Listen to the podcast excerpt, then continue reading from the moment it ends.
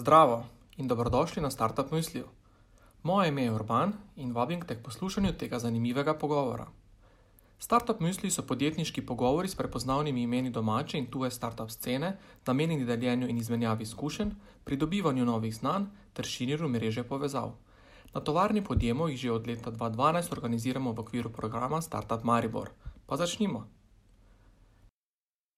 Da bomo začeli, seveda na začetku, ne, bi vas vse na kratko prosil eno kratko predstavitev, um, kdo ste in za katero blagovno znamko stojite. Pa mogoče kar Iva na moji desni, izvoli. Ja, jaz sem Iva, uh, prihajam iz Pelje Organic, ki je moja blagovna znamka. Uh, jaz sem ustanoviteljica, direktorica, uh, vse v enem v tem trenutku, seveda zraven mojih poslovnih partnerjev, ki pokrivajo nekatera druga področja. Um, delamo organske pilinge, oziroma prvi produkti so organski pilingi, sedaj pa počasi nadaljujemo k drugim izdelkom. Mislim, da bomo najverjetneje malo več o tem povedali kasneje. Tako se super sliši, ne ustanoviteljica, direktorica, ja. ne. Uh, Uh, deklica oziroma punca za vse, um, ekipa pa približno kako dolgo si že v tem uh, biznisu? Uh, ja, ni romantike, se neverjetno bomo na to temo danes kaj povedali. Uh, ja, danes bomo izključno romantični, tako da ne, takšni. Romantike, pač tako kot v vsakem poslu ni potrebni nek entuzijazem, neka ustrajnost, odrekanje, predanost. Uh, če imaš to, se mi zdi, sploh pa v svetu naravne kozmetike, ki potrebuje še neke druge segmente, kot so izobraževanje potencijalnih strank in podobno, je res potrebno zelo dosti uh, efforta vložiti. Uh, jaz sem se s tem začela ukvarjati pred štirimi leti, takrat sem šla tudi na strokovno izobraževanje za eno leto, ker prihajam iz event managementa, iz sveta marketinga. Uh, Um, sem potem se pač tega lotila resno, kasneje sem začela za različna strokovna področja iskati sogovornike, primerne, ki so mi lahko pomagali, me podprli pri tem. In tako je začelo nastajati eh, nastajanje izdelkov, ki je pač v mojem primeru, ne vem sicer, koliko je zgodba poznana, ker sem jo kar nekajkrat že delila, ampak ehm, v našem primeru se je zgodila ena taka zelo začetniška zgodba, ko smo produkte v bistvu imeli sformulirane, stestirane, stali so več kot eno leto, potem pa so prišli v proizvodnjo in so se stvari spremenile. je mila beseda. V tistem trenutku je pač bilo potrebno sprejeti eno poslovno odločitev, um, ali začeti vse znova, ali pa v bistvu končati zgodbo tam in obupati. Jaz sem se pač takrat odločila, da nadaljujem. Um, našla novo ekipo, nekaj ljudi malo zamenjala, karte so se premešale, tako da danes smo tukaj. Okay, odlično, še tukaj uh, in na dobri poti um, proti svojim ciljem. Uh, hvala za enkrat, za začetek. Uh, jasna, izvoli. Živijo, moje ime je Jasna, jaz sem ustanoviteljica blagovne znamke Tattoo Care. Um, v bistvu imamo družinsko podjetje, to je zdaj z leti nastalo, da je v bistvu v to upletena cela družina. Z to zgodbo sem pa začela sama. Začeli se je v bistvu s problemom z mojo hrbtenico, ker sem imela težave z hrbtom in so mi um, diagnosticirali skoliozo, to je zelo kriva hrbtenica in sem šla na operacijo, um, kjer so mi v bistvu ustavili dve kirurški palici in mojo hrbtenico poravnali. Uh, to je posta, posta, um, postilo posledico in um, zelo veliko brazgotino na hrbtu. In seveda, kot mlada punca, tega nisem želela kazati, nisem želela v bistvu se nekako s tem sploh sparjazati in sem želela to skriti, tako da sem se odločila potem za tatu. Uh, tatu ima tudi svoj pomen. Um, pomeni v bistvu naše brazgotine nas spominjajo, da je preteklo še vedno živa in to sem si dala v arabščini, zdaj da mi vsak ne more jih prebrati. Um, no, tukaj pa nastal problem, ker v bistvu na trgu nisem našla čisto nobenega mazila za nego. In um, mami je farmaceut, tako da smo nekako skupaj takrat ustvarjali eno formulo, eno mazilo, ki je meni zelo pomagalo. In jaz sem bila tako navdušena, da sem pač želela to zgodbo razširiti. In sem začela potem od tetoverja do tetoverja, od tatu studija do tatu studija.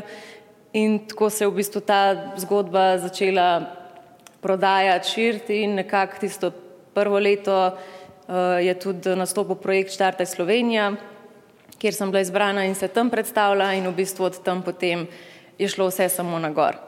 Super.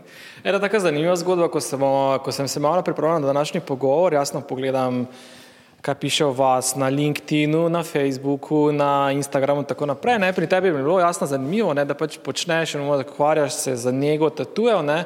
na Instagramu pa nikjer nisem videl tvojih tatujev. Ne? Ni bilo tako zanimivo. Ne? Ok, jasno, ne, zdaj ti delaš za tatuje, gotovo to nekje izhaja iz tvojih tatujev, gotovo mora imeti jasno tatuje, ne, ampak tam na Instagramu ni bilo videti tatuja. Ampak zdaj razumem, da ti so tatuji na takšnem delu, ki jih uh, ja, ne vidiš tako na prvo žogo. Vsakič, da rečem, sliš pa pokazati tega tatuja, um, ok, ta je na hrbtu, imam pa potem še na, na rebrih, uh, pa tukaj imam enega manjšega v bistvu um, datum pa še en znakac. Um, tako da ja, so na takem skritem mestu bolj. Um, Moj poseben pomen. Ja, ja. skoraj skor si jo sleko. To bi bil najbolj gledan podcast, Ever, gledaj, nimaš kaj. Uh, Jure, Jure Čuk iz Čikatele, delamo kreme za atopijski dermatitis in suho kožo. Najbolj zanimivo, zdaj, ko smo bolj v severnem predelu Slovenije, je to, da moja znanka se imenuje Čika, tela, a ne Čika po špansko pomeni punca, tela pa recimo nekaj zamazati, ker moja ideja je bila, da so ženske največje potrošnice, pač da bojo teh krem, no. Ampak zdaj se je to tako razvil, da tudi valjda moški uporabljajo pa tako, no. Ampak zanimivo je, da zmeri, ki nas kličejo tle štajerski, rečejo, ja, to do čika telo, ne, ne, čiča telo smo kupili, pa jaz ni razlagam, ne, ni čiča telo, to ni za detke mazati, to je za atopijski dermatitis, ne izvira pa iz mojega osebnega uh, problema. Jaz imam bolj atopično kožo, suha, tako da ko sem ličil za Yves Saint Laurent, veliko sem bil na odru, kjer sem predstavljal kozmetične linije v Londonu, pa vse okrog. In če imaš to na roke, je precej težko delati, tako da sem potem z bombažnimi rokavicami reševal stvari, da nisem zgledal kužen. Um, in pol počas smo nekako zgruntali, kaj funkcionira, kaj ne. Jaz sem v kozmetiki že več ali manj cel svoj posloven življenje. No. In uh, smo naredili eno super formulo, tako da tudi z jasno to nekako skupaj razvijava, no, mislim, mi pomaga tudi z njenim znanjem v firmi. In uh, zdaj smo, kjer smo, nekako v Sloveniji, na raketnem pogonu, odkar nas je Facebook Mičkam podprl svojo reklamo po Evropi, tako da širimo. Na to se še vrnemo.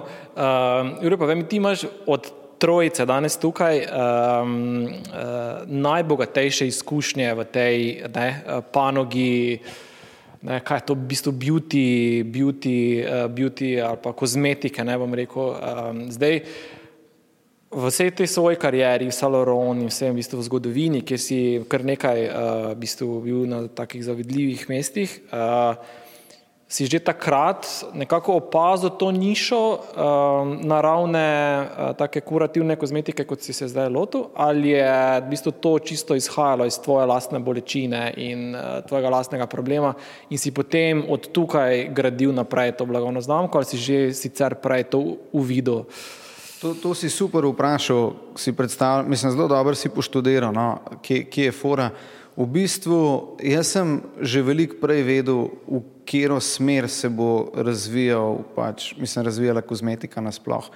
Ker stvari so se začele komplicirati, veliko influencerjev je prišlo na sceno, a ne to pomeni ljudje, ki ne poznajo stvari, ne tudi zdaj, naprimer, ki spremljam koga, vidiš, da nekmu doktorju ali kakorkoli sledi tudi na milijone ljudi, pa pol na koncu ugotoviš, da pač neke strokovne podlage tukaj od zadaj ni, ne, več ima sam prodajanje pa promocija sebe.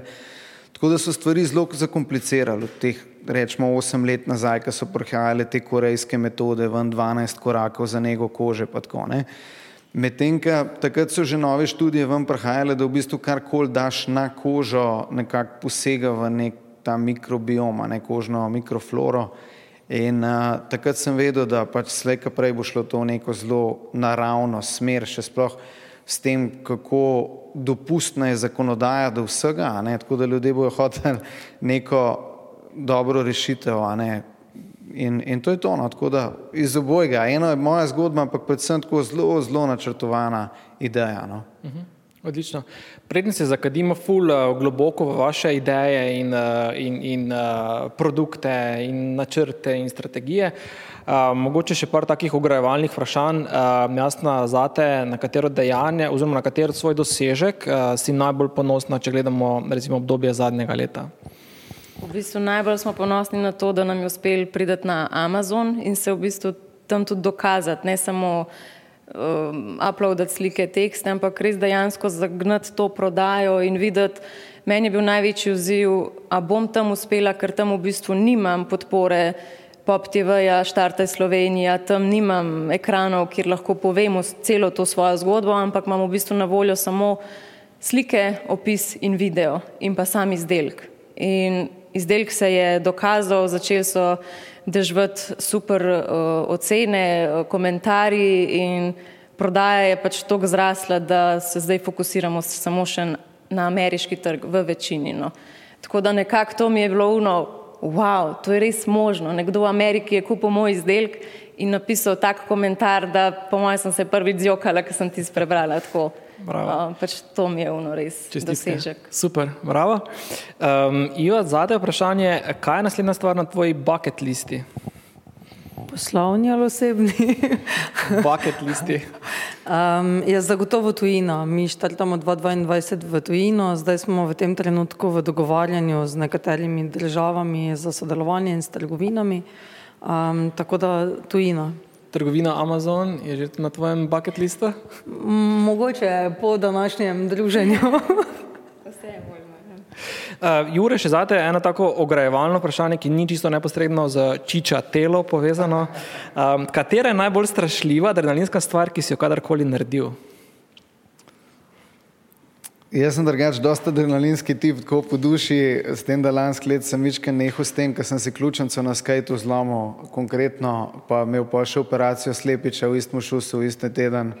Tako da sem se večkrat zamislil, da mogoče to ni leh dobra ideja, da proti 40 letom pač flipe obračam, pa ne vem kaj. Uh, ampak ja, le, dal sem že, že vsega Boga čez, ampak tako, če pomislim, Res me je srh spreletel, ker sem bil lansko leto v, v Egiptu, Kajtal, v Somabaju in jaz sem ga na polno žgal tam čez une korale, pač, ki je najlepša flet voda, veš pač in sem ga pičil na polno. In pa sem enkrat tam sem se spomnil, nekaj bom popravil ta bord in jaz stopam na une korale, in tako sem si nogo porezal. Pa sem na rit padel, sem se tle porezal, strgal obleko, ni da ni. Pa sem pomislil, kot da bi jaz tam poletel po unmu spidu na unih koralah.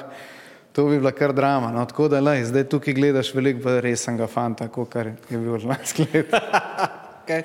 No, v takem primeru bi robil pač jasno kremo, ki bi verjetno malo ne, uh, zacelila te rane. Uh, Cool, skratka, vsak ima um, zanimivo zgodbo za sabo. Če se zdaj malo še vrnemo na vaše, um, na, rekel, na vaše začetke, ne, da začnemo um, pri vaših zgodbah, kako so se odvijale. Uh, jasno, ti si začela z enim samim izdelkom, tvoje mazilo je izdelovalo drugo podjetje, danes imaš lastno proizvodnjo, Amazon. Uh, mogoče nam malo razložiš, ne, um, te korake, kako v bistvu sploh prideš od, ne, od tega, da imaš idejo, okay, zdaj pa imam eno brezgotino, ki bi jo rada skrila, do tega, da prideš do recepture, okay, tebi je olajševalna okoliščina, ker imaš uh, v družini farmacevtko, ja. uh, ampak vseeno, kakorkoli to je, ne, kakšni so ti koraki za mnoge, tudi mene, konec koncev nepredstavljivo, ne znam si predstavljati, kako v bistvu od ene ideje ne, uh, prideš do izdelka na policiji, ki V bistvu jaz bom pač izpovedala iz svoje lastne izkušnje, mogoče pa nekaterih ni tako. Imela sem to idejo, mami mi je pri tem pomagala, ker ima to znanje, je že prej delala tudi določena mazila. In jaz sem bila tako navdušena nad tem, da sem to želela pač naprej povedati. In sem takrat kontaktirala nekoga, ki proizvaja lončke in sem rekla, če pač da mi to naredimo, te črne lončke, črni lončki so bili pač prva ideja, uh, je tisti pristal in rekel, lahko ti dam 300 lončkov. Jaz tako, o, 300 lončkov, ok, dajmo 300 lončkov. Tisti sem plačala v bistvu iz študentskega denarja, še ko sem delala kot študent, več služb uh, hkrati, tako da nekako sem to sama financirala in mi smo naredili ta mazila, jih popakirali, ne vem, ene 100. In potem sem se jaz usedla za računalnik, uh, videla sem, da ni res nobene konkurence, tako da nimajo ljudje kaj zamazati, tako kot jaz nisem imela. In sem si izpisala vse možne tatu študije v Sloveniji, najdla kontakte in začela klicati. In se prav spomnim, sem bila v avtu, pokličem prvega, ja, dober dan, jaz sem pri telefonu, uh, mi imamo ena taka mazila, v družini proizvajamo, v glavnem super so za celjenje tatujev, a bi, a bi vas to zanimalo? Ne, to, kar imamo, že deluje, ne, v redu je, mi se s tem ne bomo ukvarjali. Adijo, uh, uh, adijo.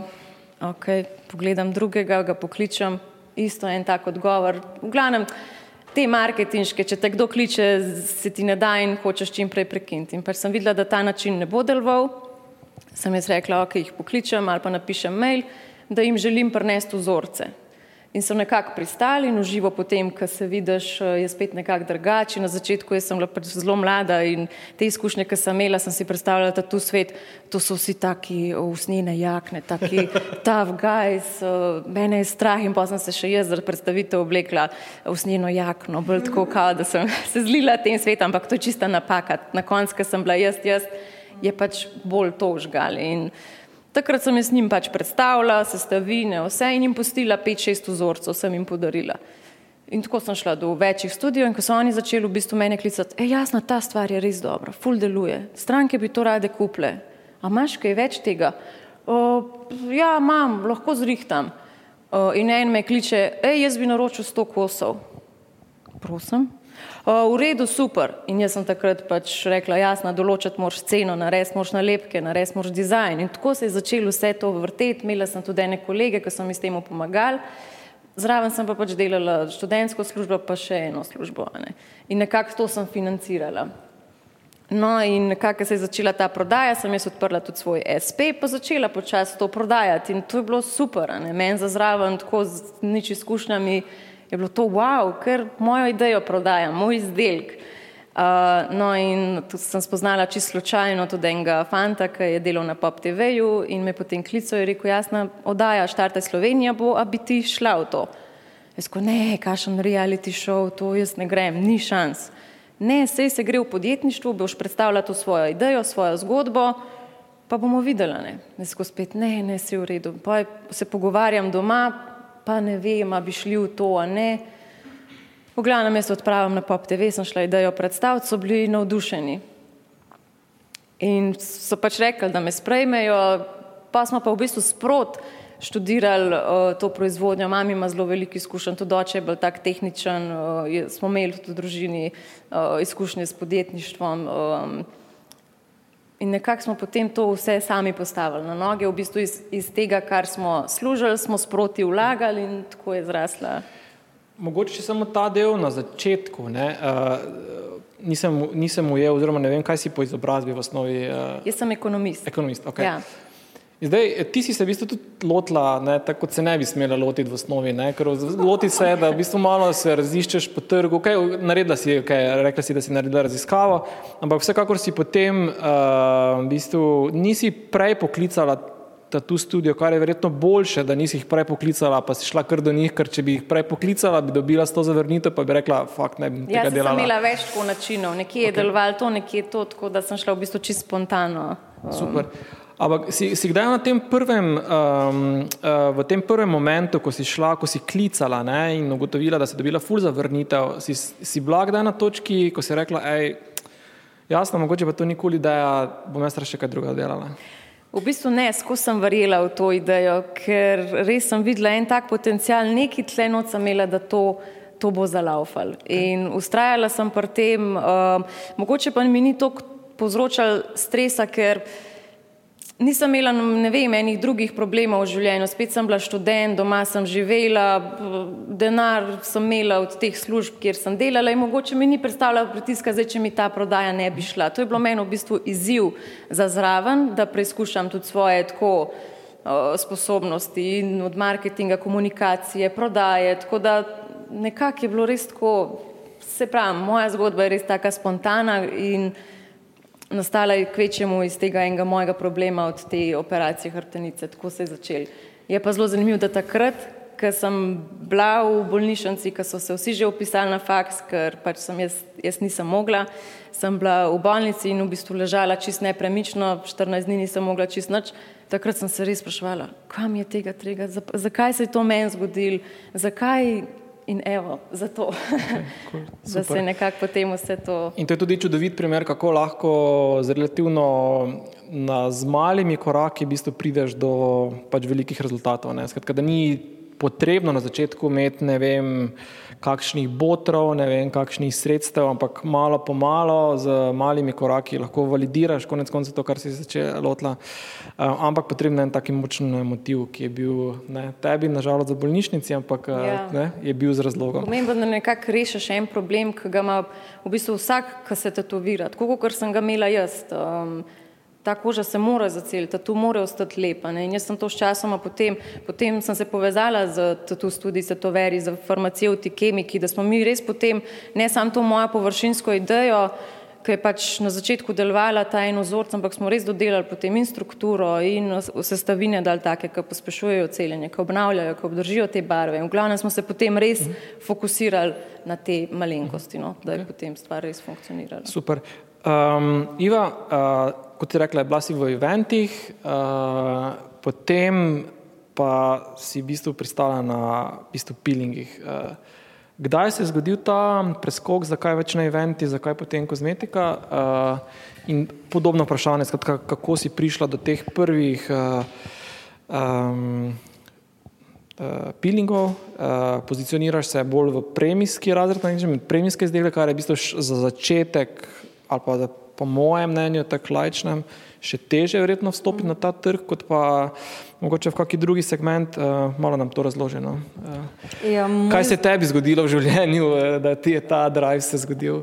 Zgodi se to, da si dolgo v vezi, da rabiš spremembo, da uh, je treba življenje obrniti na glavo in da je ne obrneš na glavo samo v enem segmentu, ampak v vseh segmentih svojega življenja. Uh, Že dolgo prej sem si želela svoj produkt, uh, nisem vedela takrat, kaj to bo, tako kot je, naprimer, on, mislim, ona je odkrila, on je že vedel nekako. Um, pri meni je vse skupaj izhajalo bolj iz ene druge stvari. Takrat, ko sem se jaz potem po tej vezi uh, preselila, m, sem začela zelo dosti hoditi mimo srednjih šol in fakultet in opazovala sem dekleta in mlade ženske, koliko imamo potrebe v življenju prekrivati svojo neko lepoto in se skrivati in se spreminjati, kot pa to, kar smo v resnici.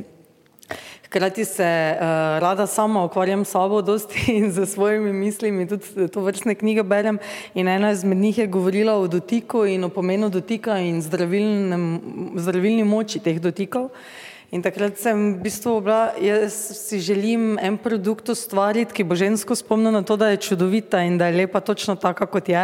Seveda je namenjena tudi vsem ostalim moškim eh, in parom in vsem kombinacijam, ampak predvsem, da se zavedamo, da smo lepe take, kot smo, da ne rabimo nekih popravkov, da je super, če, če imamo strije, če imamo odvečne kilograme, da smo lahko zadovoljni za sabo, za telesom, ker nam je samo eno telo v življenju dano. In želela sem produkt, ki te bo spodbujal spodbujal k temu, da se ti dotikaš sam sebe, mogoče predvsem na predeljih, kjer se ne maraš, ne? in to so ponavadi pri ženskih boki in, in pač ta predel okrog trebuha.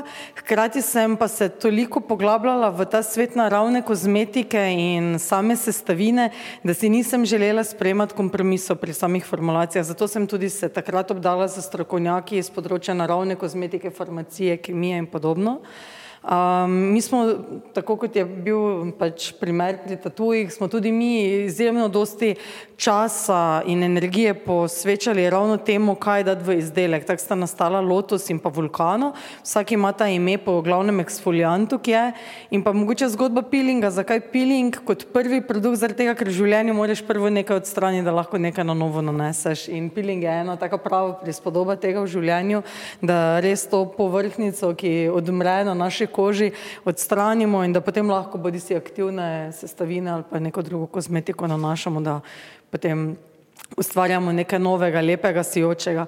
In uh, ustvarili smo uh, Lotus, ki je hranilni peeling uh, z izbranimi masli in olji, je relativno zelo unikaten na tržišču. Ljudje večinoma poznajo te klasične peelinge z visokimi procenti uh, eksfoliatorjev, torej grobih delcev, če se lahko tako izrazim, soli, sladkorja, kave. Mi pa smo naredili pri Lotusu ravno obratno, naredili smo več kot 80% masla in olj, noter imamo tri visoko hranilna masla in pa tri olja. Um, vsa so tudi višjega cenovnega razreda. Pri vseh izdelkih sodelujemo z aromaterapeutko, ki v bistvu ustvarjamo skupaj z njo tudi vonje. Pri nas vonji niso v smislu parfuma, ki ga kupimo, ampak so kot posledica sestavin, ki jih uporabljamo v produktu. Eh, naša embalaža je tudi črna, s tem, da ko sem ja šla na prvi sejem, zakaj sem se zdaj spomnila, sem jaz prišla na tisti prvi sejem, je bilo nekaj minimalna količina odjema in so vsi govorili o deset tisoč in tridesetih tisočih kosih. In sem vem, da stala sredi Minhna vsa objokana, klicala domov, jaz ne vem, če bo to šlo, ne, zaradi tega, ker tudi jaz sem pač začela z vlastnimi viri, pač z vlastnimi financami. In to je bilo naenkrat preveč, se tudi, če nekaj stane 50 centov, ne. Tle v bistvu res kot človek do človeka, sem šla do tistega proizvajalca in sem rekla, jaz sem mlada punca, ki ima idejo. Ja. Želim si, da vam nekoč res naročim teh deset tisoč in na koncu sem jih, a ne. Bravo. Tako da Bravo. me je razumel in podprl, tako da to še danes cenim, da me je.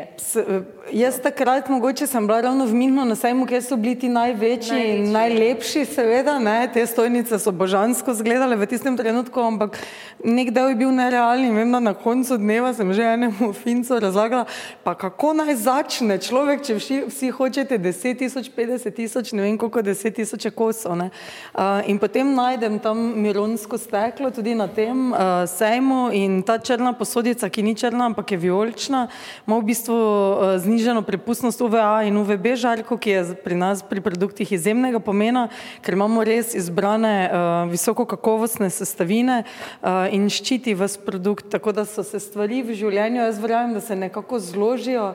Uh, tako da je tista hrbtenica ne, predstavljala neko inspiracijo, so meni neke druge stvari in tako se počasi ta zgodba pelje zlaga. A, tako čudovito zadek, ki moram iskreno priznati, da ga prvič slišim v vsej svoji širini in globini in sem, ne, uh, se kar najžim, ko slišim v bistvu, koliko je tu neke filozofije in razmisleka in nekih čustev uh, za vsakim elementom, v bistvu, ne, uh, ne te v bistvu preprostega pilninga na prvi pogled. Hkrati pa je ta zgodba v bistvu verjetno ne, kot taka v vsej svoji celoti izredno močno marketinško orodje, ne, si znam predstavljati, ampak verjamem, da pa ga je relativno kompleksno skomunicirati in z vsemi temi argumenti, ker, ki ste jih zdaj navedla, v bistvu celo Ja. svojo zgodbo tudi prepričati. Ne. Ampak do tega se bomo malo še vrnili um, uh, kasneje, do, do komunikacije in, in, in promocije in teh ključnih sporočil, s katerimi prepričujete svoje. Mogoče, Uh, če smem, samo ena Izvoli. stvar, jaz bi tudi poudarila ta segment, ki ga je pač že um, prejasno um, poudarila. Ko si ti v nekem trenutku, tudi ko so situacije težke, ko ne vem, prideš do, do dobaviteljev ali pa proizvajalcev proizvodnje, tako sem prej omenila, nam se je v uvodu svižla cela proizvodnja, mi smo nekaj sto kosov zavrgli, ne? kljub temu, da si imel strokovnjake, ki si jim v nekem trenutku zaupal. Um, takrat je tista neka lastna moč in lastno prepričanje v, v to zgodbo takega pomena, da ne znam povedati. Ja, je težko, ja se zjočeš, ja ti že gre vse na živce in ja se sprašuješ, pa dobro, pa zakaj jaz, kaj je res. Ne? Naenkrat gledaš nekoga, ki je 50 let pred tabo začel in vidiš že, kako se vse sveti in je vse lepo in tudi ti verjameš, da bi vse moglo pri tebi biti tak, ne, pa vendar ni. In v tistem trenutku se mi zdi ta, ta res neka notranja moč, da sebi verjameš, pa še en moment mogoče naivnost. Jaz vem, da v smislu ekonomije in teorije ekonomije naivnost ni dobrodošla, mogli bi vse preučiti, preračunati, ne, eh, ne vem, kakšne teze postaviti, ampak jaz vedno pravim, če bi mi vedeli v življenju, kaj vse nas čaka, se marsi česa sploh ne bi lotili in tako je tudi pri tem. Ne. Um, rabiš tisto naivnost, da je prvi rekel ne, pa da si je mogoče uh, ne, oblekla nekaj tako, kot sem jaz bila naivna, pa kar po Instagramu napisala, hej, Nini, Gaspari, kaj ti lahko pošljem svoje izdelke in je ona rekla, ja, in me je lani takoj poklicala, rekla, meni je zgodba nadušujoča, kaj te lahko na podcast povabim. Take No, stvari. to, tako je prvi meni rekel, ne, me je potem čez eno leto klical, lahko jaz naročim vaše izdelke. E, ne. Seveda, da lahko. In je zdaj navdušen. Res. Vedno se stvari potem da- obrnejo. Ko ti ustrajaš pri nekem svojem jazu za neko svojo energijo, se mi zdi, da potem se tudi drugi ljudje in stvari nekako poklopijo. Absolutno se strinjam. Uh, in tudi brez takih globokih razlogov, ki jih imate, vse vidve, uh, za Jureta še ne vem, da Jureta pridem, uh, ne, se vseh teh izzivov v bistvu. Jure si mislil, da se boš mi izognil, ne boš. Um, uh, to vseh izzivov gotovo ne, um, uh, pač ne moreš pregrist. No. Um, ja, Jure, ne, ti si še ostal, uh, bil si v korporativnem svetu, verjamem, da relativno udobnem svetu, uh, presedlal si v ne, samostojno podjetniško pot, ki je gotovo uh, veliko bolj uh, Uh, živahna, ne, da se mi izrazim, kot pa ena korporativna. Zakaj, uh, kaj, kaj, kaj je tebe pregnalo um, v, v ta podjetniški svet, Jaz, drugač, preden sem bil v tem korpo svetu, sem bil v podjetniškem. Ja. Že od faksa dalje imel sem svojo v bistvu oblikovalsko agencijo, obleke sem delal, kreator sem bil, butike sem imel, potem sem šel v IT, smo razvijali sisteme za konference, za organizacijo konferenc, na kar je prišla una ta velika recesija, pa je šlo vse to v maloro, no? tako da sem se usedel na avion, čist po domač s trebuhom za kruhom, a ne pa uh, v Londonu naredil kariero. Tako da temu ne moramo reči lih udoben svet, uh, ker še sploh tako, ko si v tujini, ne stran od mamice, pa to jaz mogoče toliko čustev ne pokažem kapunce, a ne sam, no vse zadnje jih tudi mama, veš. Uh, tako je, je, je kar na hart ne in, in tudi kariero tam graditi je divje, ne, to je, to je bitka, veš, in zdaj moja ideja je bila, najbolj si lahko srečen, če delaš sam zase, vem, kakšen je ta občutek, vem, da ne morem z drugimi delati, ker sem mogoče preveč ekscentričen, preveč imam drugačne ideje za nek mogoče konservativen svet. Tako da tudi na teh visokih nivojih, še sploh, kjer se nos kravata, a ne pa zelo paziš to, s kakšnim levelom, na kakšen način komuniciraš, ni moj svet. No. Tako da meni je bil nov brainer, pač le podjetniška duša od malih nog, delu vsega Boga, kar se je dal in uh, spet najdu eno svojo pot, kjer sem, kjer sem zelo z ljubeznijo noter. No. Super. In to se tudi vidi ne, uh, pri vseh.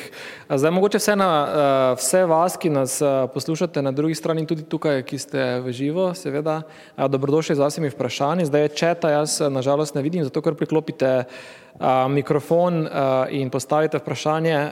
Mi smo se že dobro ogreli tukaj, dobre pol urce v pogovoru. Ima kdo kako vprašanje mogoče? Za naše goste?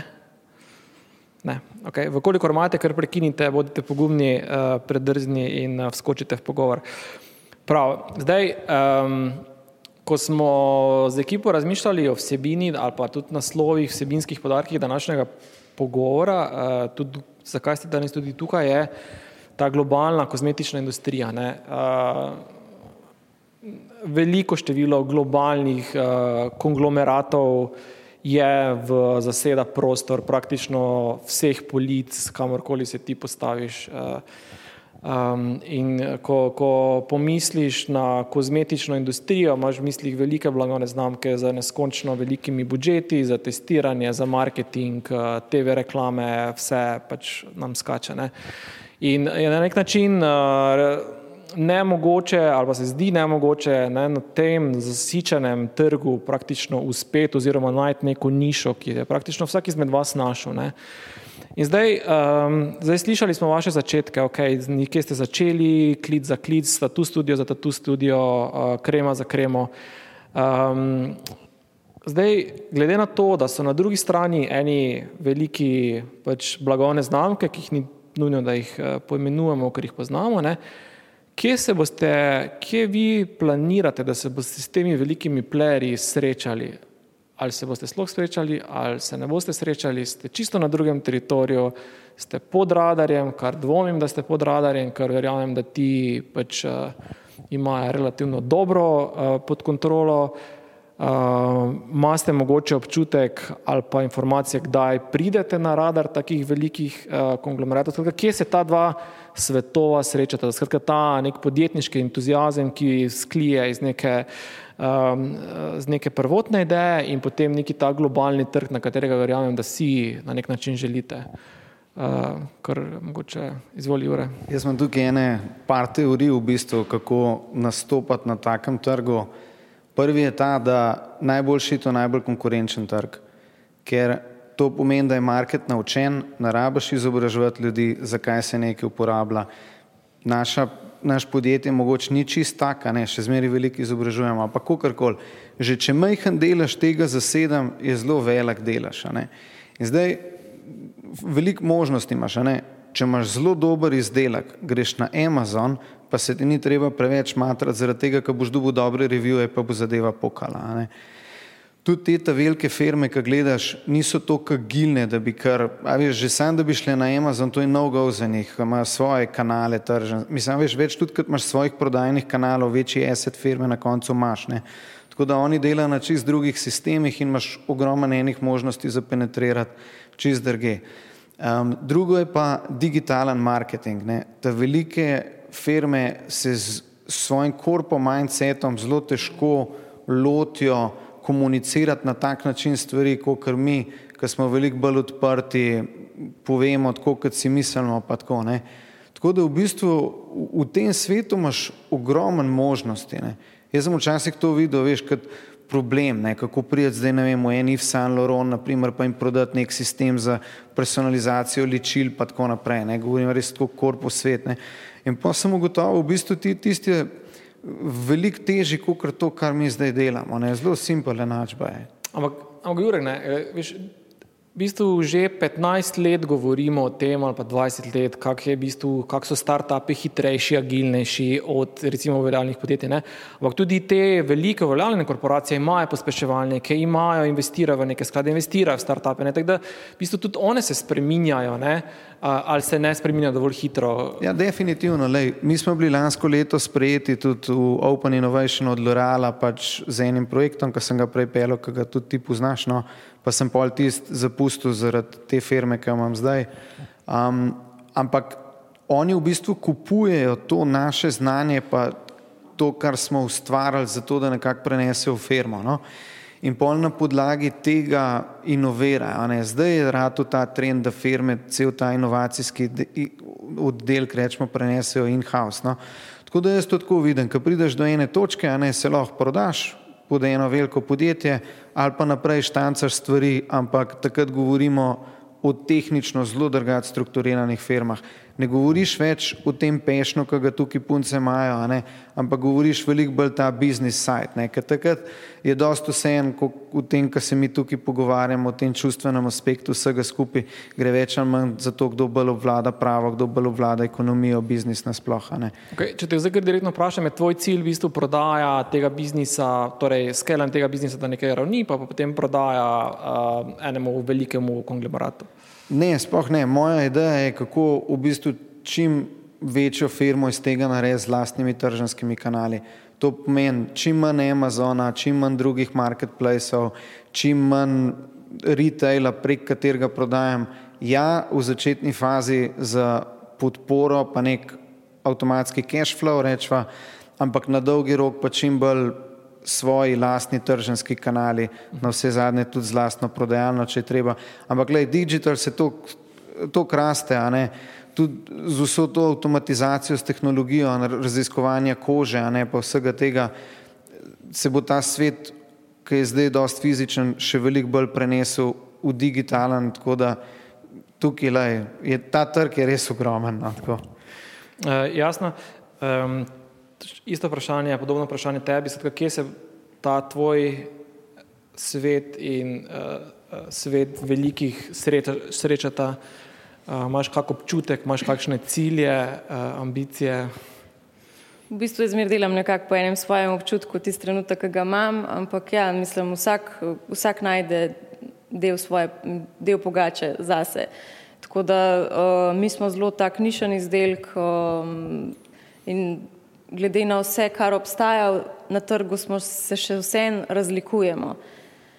Uh, obstajajo masla, uh, losjoni, kreme, uh, mi nimamo nič od tega, ampak imamo res posebno mazilo, ki tudi naša prednost je, da se ga lahko uporablja v bistvu takoj po tetoviranju. Tiste vse ostale zadeve se, imajo drobni tisk, ki se lahko uporabljajo šele ne vem, ko je tatu zaceljen po 14-10 dneh.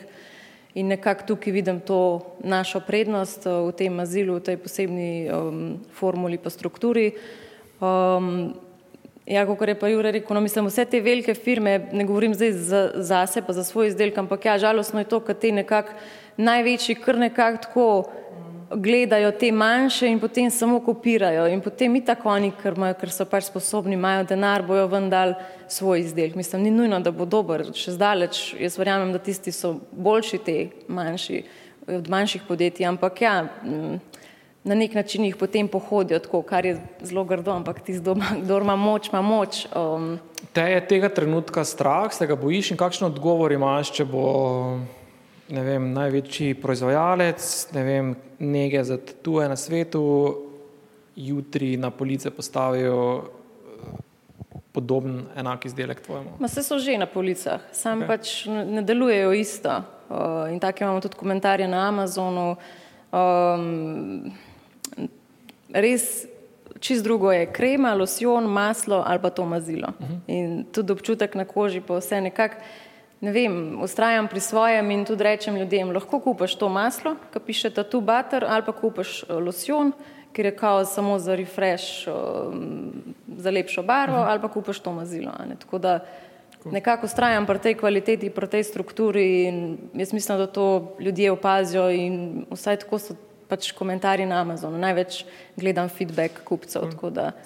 Jih upoštevamo, sledimo pač trendu, dodajali bomo nove izdelke, nove pakete, nekako da olajšamo celo to izkušnjo z novim tatujem, s tetoviranjem. Ampak ja, ustrajamo pa tudi pri svoji kvaliteti, pa pri tem, kar imamo. Bravo. Iva? Ti še posebej, ker si v bistvu v, v premijskem segmentu na nek način, ne, uh, kjer se mi zdi, da je uveljavljena blagovna znamka uh, Eva Langorja v TV reklami in vsta ustroj še kako pomemben pri prepričevanju, kdaj se vidiš, da se bo ta dva svetova srečala uh, in uh, Vse naivno bi bilo, da bi rekla, da, da se ne srečata, ne? tako kot je Julija pač rekel prej. Um, Dejstvo je, da skozi certificiranje že velika tuja podjetja, ko ti pridobivaš mednarodne certifikate, so od zadaj v lasniških deležih velika tuja podjetja in na ta način prihaja do tvojih formulacij in pač znanj, ki jih imaš. Ne na zadnje potem skozi različne investicije, ko te vzamejo pod svoje okrilja, kot je L'Oreal, ne um, spet prihajajo do tvojih znanj. Jaz mislim, da oni kar dobro vedo, uh, ampak počakajo radi, da se neko področje postavi. Um, Nekako se jaz probujem izogniti sploh tem mislim uh, prodaje. Pač v tem trenutku jaz tega ne čutim, ne mislim tako, stojim pač za svojim izdelkom in razvijam ga v nekem povsem svojem duhu, ki mislim, da ga neke korporacije na ta način niti ne želijo ustvarjati. Nivo izdelka, mi imamo uh, res ena najboljših eteričnih olj vsebojo naši produkti. Jaz mislim, dejstvo je, da ko prideš ti do korporacij, tudi izbira surovin več ni na ta način čista. Uh, vsi naši izdelki imajo organski certifikat, so veganom prijazni, imajo tudi ne na zadnje eno najdražjih embalaž v tem trenutku, ki je steklena, reciklirana, UVA, UVB, žarki, uh, prepustna in te velike korporacije gledajo predvsem na neke odjeme, na številke, na matematike, če lahko rečem, in je manj tega romantičnega dela. Um, Potem postavljam drugače vprašanje. Dokot pa lahko um, tvoje podjetje na način in kakovostjo, ki tako prisegaš, v bistvu dokot lahko zraste? Ker ne samo podarjaš, skratka, kakovost eteričnih olj, vseh izdelkov, ampak eksploatacija teh izdelkov, teh surovin eh, ni neskončna. Skratka, in, eh, to je omejen vir ne na take kakovosti, kot se ga ti lotevaš.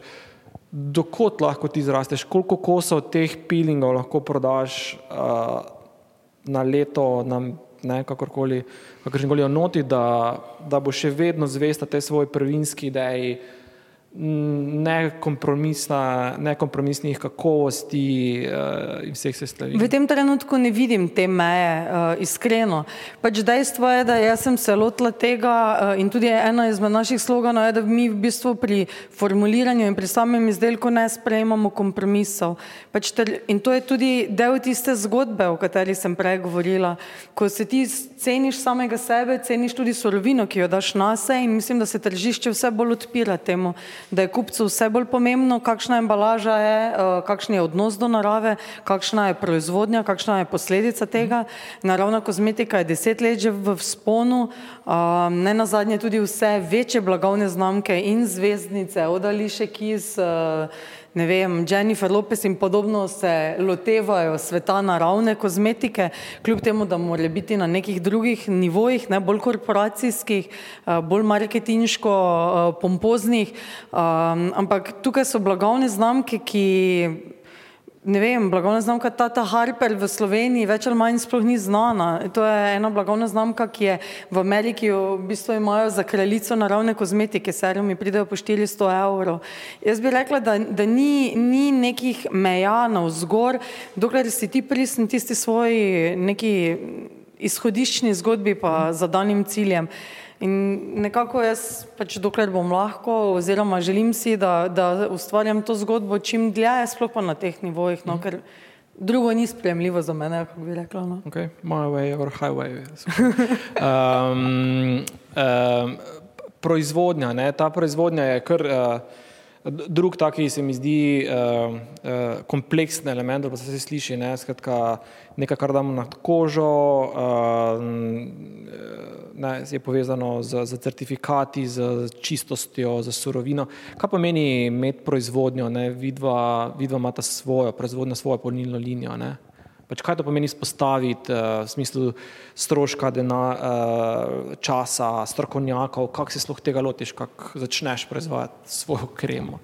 Najprej moraš imeti dosto denga svojega znanja, ki ga moraš prej v bistvu se osredotočiš, kaj boš delal, kaj si želiš, kje sestavine, pač se fokusiraš na sestavine, ki jih želiš imeti, uh, jih naročiš. Uh, Dost je v poskušanju, v testiranju. Um, v ozadju je, seveda, so strokovnjaki, ampak. Um, ampak to verjetno ni en velik klonec, v katerem ti mešaš te sestavine. Tudi. No, tudi, ja, ampak okay. je, mislim, več teh. Um, okay.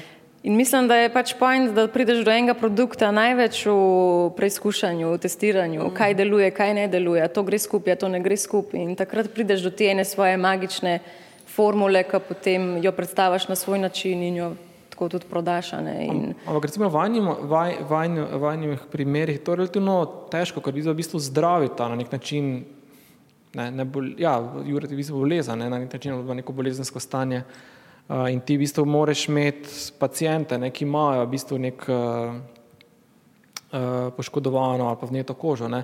In zdaj, kako si ti testiral na pacijentih, ki tako imajo že težave, pa pa še testiraš svojo formulacijo, s katero lahko posledično nekomu tudi poslabšaš stanje, če pač v bistvu se zmotiš v svoji formulaciji. Ja, v bistvu slišiš se zelo zakompliciran, ampak, ampak ni. Pa ni, ne. Mislim, fi, filozofska stvar je, če tako gledaš, ni to mo, mogoče matematično, ampak kjer pravč boš ti izbral za tretiranje kože. Naprimer, zakaj je pač naravna kozmetika v porastu? Zato, ker je teorija, ne, da vse, kar daješ na kožo, pač ni dobro, zato ker uničuješ mikrobiom. Druga teorija na, na strani so researchi, zato ima L'Oreal svoj center, ker pač delajo, ne vem, z retinolom, naprimer, ker dokazano obnavlja to pa to. Tako da že tukaj noter imaš dve linije. In zdaj, ko se ti lotaš nek problem rešvati, ne, pač meni je struktura kože pa funkcionalnost. Mi izhajamo iz mehanskega delovanja kože, ne. to ne pomeni, da gledamo kemično na stvari, kot kar gleda naprimer L'Oreal, ampak bolj mehansko, jaz sem pač tudi deca, razumeš, pač avto znam pošraufati, ne, jaz to gledam tako, kot mehanik tako da, ja, uh, ja zdaj, zdaj zmeri teže pismo, te električne nimam kaj šraufati, ampak hej, lej, tako da um, ti narediš izdelek, pač, a veš to, kako se krema naredi, kakšna je osnova, kako se stabilnost doseže, pa to, to so, to so za strokovnjake čist simpel stvari, to je tako, kam idva, ne vem, kava si zjutraj skuhava in je jasen. No.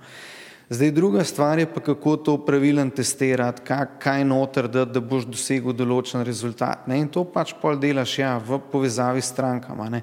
In imamo tako bazo zdaj strank, da lahko testiramo te stvari in če pravilno narediš ta research, ne, rečemo, ne vem, imamo dve kreme, benchmark od te kreme, mislim, ta reference point je naša že obstoječa krema, pa jim dam pa rečem, da je povej, kje ti je boljša, zakaj, kako. Ne. Dobim neke zelo velike analize na velikem skalu ven, veš, na vse zadnje imamo ogromen strank, tako da načeloma lahko razvijem skoraj kar hočem. Ti dan za primer, naprimer, če bi hotel zdrav takne, bi najdel ljudi, ki imajo akne, bi naredil vprašalnik pa analizo kože, da bi vedel, kaj določa v bistvu njihovo strukturo kože, zakaj se kako obnaša in pol na podlagi tega bi sprobil, a določena moja teorija, pač kombinacija kemična, ta problem rešuje pod takimi, pod takimi pogoji. No. Ditle, da izdelka stane iz danes na jutr. Tukaj so leta um, tisočenih poskusov, serij, ki jih je treba narediti. Pa tukaj moraš testirati tudi za embalažo, je primerno, da to mazilo držiš v tej embalaži, kaj pa če damo v drugo. Tokrat spreminjati procente določenih sestavin, da res prideš do tiste, kar najbolj deluje. In mi smo tudi vmes, mi smo imeli izdelek, ampak mi smo ga sprot toliko dodelali, toliko serij smo naredili, da na koncu, evo zdaj, tudi po parih letih, imamo mi res, smo prepričani v to formulo in res stojimo za temu.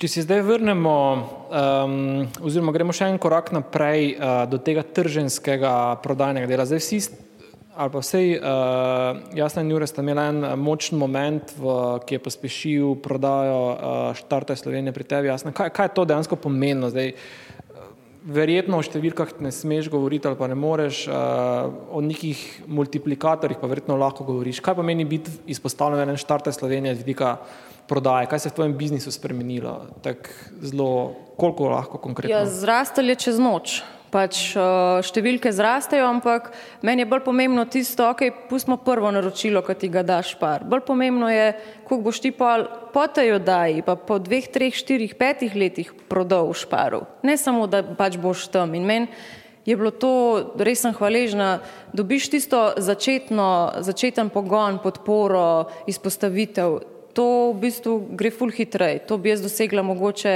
ne v enem letu, ampak v treh, štirih letih, to, kar sem šparom. Tako da za me je bilo to, to definitivno taka odskočna deska, da pač sem jaz za to ful hvaležna. Ampak nekako pa čez čas ti pa bolj pomembno rata to, da ne samo, da si bil na štartaj Slovenije, ampak pa so te ljudje takrat podpirali, ampak da te podpirajo še danes, pa da stojijo za tem izdelkom, da te da ni, a ne, da prodaja ugasne, ker nekaterim se je to zgodilo in jaz si ne želim tega, jaz si želim pač konstantno prodajo in eh, dajati take izdelke ven, kjer pač boš vel desetletja na trgu, a ne. Ni sam tisti en moment okay. ključen. Ampak ti da pospešek, v bistvu, da te ljudje opazijo, to pa definitivno, na policah in... Okay. To mislim, da bi vsakmu pomagali. Je pa tudi glavno, da je izdelek kvaliteten, da se obdrži na trgu. Je kakšna, ne, uh, je kakšna nevarnost, uh, ki lahko pritisk na podjetnika ob takni, takšni močni izpostavitvi, takšnem velikem preskoku, ker to verjetno ni, ne vem, koliko si ti prodala pred, približno pred vstopom vodaja. Pa, ja, za ene trikrat, štirikrat se je siguran povečal. Uh -huh. um, jaz sem itak imela svojo vizijo, nisem vedela, da bom jaz v štartaj Slovenije. Okay. Tako da sem si eno svojo vizijo že takrat razdelala, od studija do studija, kakšen distributer, um, pa tudi sem imela plan prideti v trgovine, ampak to se je potem zgodilo pač po hitrejši poti, ker sem imela to priložnost, da sodelujem v štartaj Slovenije. Okay. Tako da mislim. Ni bil to, nisi imela s tem več uh, uh, problemov kot pa ugodnosti na drugi strani. Ne. Okay. Uh, Jure, um, izpostavil, ne, ker po Facebooku, ne, na billboardi vidimo, ne, da je Facebook pograbil uh, čikatelo. Kaj, kaj pa to za te pomeni, uh, ali pa za podjetje, kaj pomeni, če te v bistvu pod svojo okrilje vzame Facebook in te izpostavi? Uh, je to tri, štirikratni kot eh, pri jasni špar, eh, štarta Slovenija ali je to kaj več, kaj manj, uh, si to načrtoval? Uh, Pri nas, nas je ta problem v bistvu, da distribucijska veriga rečva ni bila dorasla temu, kar je Facebook naredil, ker ljudje te kličejo iz Španije, iz Nizozemske, tudi ne govorijo angliško, sploh kaj pišejo, razumeš, jaz že nek support imam ljudi, ki to delajo, probo sem prek Upworka dobiti sistematizacijo vsega skupaj, da sploh znajo odgovarjati, Ampak zdaj vse to pokriti je, je predvsej težko. No. Um, tako da, pri meni je bilo tako, da ko se je to začelo dogajati, sem ustavil vse skupaj, sam mailing liste naredil, tako da pač ljudje, ki hočejo kremo kupiti, se prijavljajo. In takrat, ko bomo trg odprli in bomo lepo mail poslali, upam, da bo to učinkovito. Ampak to, to je bila taka eksplozija dejansko, da pač mi nismo tehnično mogli sploh porihtati teh stvari. No.